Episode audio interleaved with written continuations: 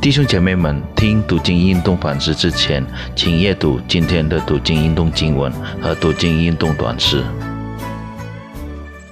主内的弟兄姐妹们平安，非常的感恩，今天我们有机会一起来思考神的话语。今天的读经运动反思主题是限制上帝的良善，取自圣经。民数记第三十四章，我们先一起祷告。慈爱的天父，我们感恩今天能来到主的跟前来思考神的话语，感谢主一切的恩典和赐福。求主赐给我们一颗渴慕的心来思考神的话语。我们的祷告是奉靠主耶稣基督的圣名所求。阿门。耶和华清楚地划定了将归以色列人为业的迦南四境之地，三十四章第二节。对于南、西、北、东边界，上帝都特别提到了该地区的名称，作为上帝选择要祝福地球上所有国家的国家。创世纪第十二章第二到第三节，这是非常令人惊讶的。耶和华并没有让以色列人占据整个地球，而是限制了他们的领土。西方世界流行的短语之一是“越大越好”，意思是更大更好。如果展开，这句话可以表示越宽越好，或者越多越好。世界叫我们不要轻易自足。这种思想激发人们陷入暴食、贪禁、嫉妒和其他罪恶之中。上帝知道人心的倾向总是带来了恶事。创世纪第六章第五节。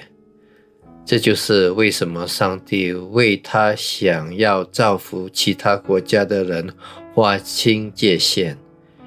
毕竟，就像以色列人必须记住上帝赐予土地，不是因为他们的要求一样。请记住，我们拥有的一切都是上帝的礼物。事实上，这里所划定的应许之地的面积。远远大于以色列人曾经占据过的土地。大卫王控制了迦南的大部分土地和横贯约旦河的大部分地区，但这里定义的区域或以色列历史上任何时候的实际边界都不相符。因此，这里描述的区域是上帝应许。给以色列人的区域，但他们从未完全占领。根据上上帝规定的边界、应许之地的大小和以色列无法占领的这一切，都提醒了我们上帝的慷慨。他能够做的远远超过我们所求所想的。以父所述第三章第二十节。自由的民主主义推动了人民优先考虑绝对自由，限制被视为对权力的限制。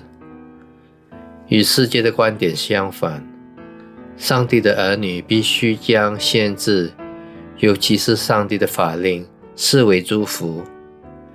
界限阻止我们犯下我们羞于承认的隐藏罪。界限帮助我们看到并感谢上帝所赐给我们的恩典。遵守上帝的限制，将使我们更像他的儿子，即耶稣基督。您是否尝试过遵守这些界限？我们一起祷告：慈爱的天父，感谢你一切的恩典和恩赐。赐给我们所需要的，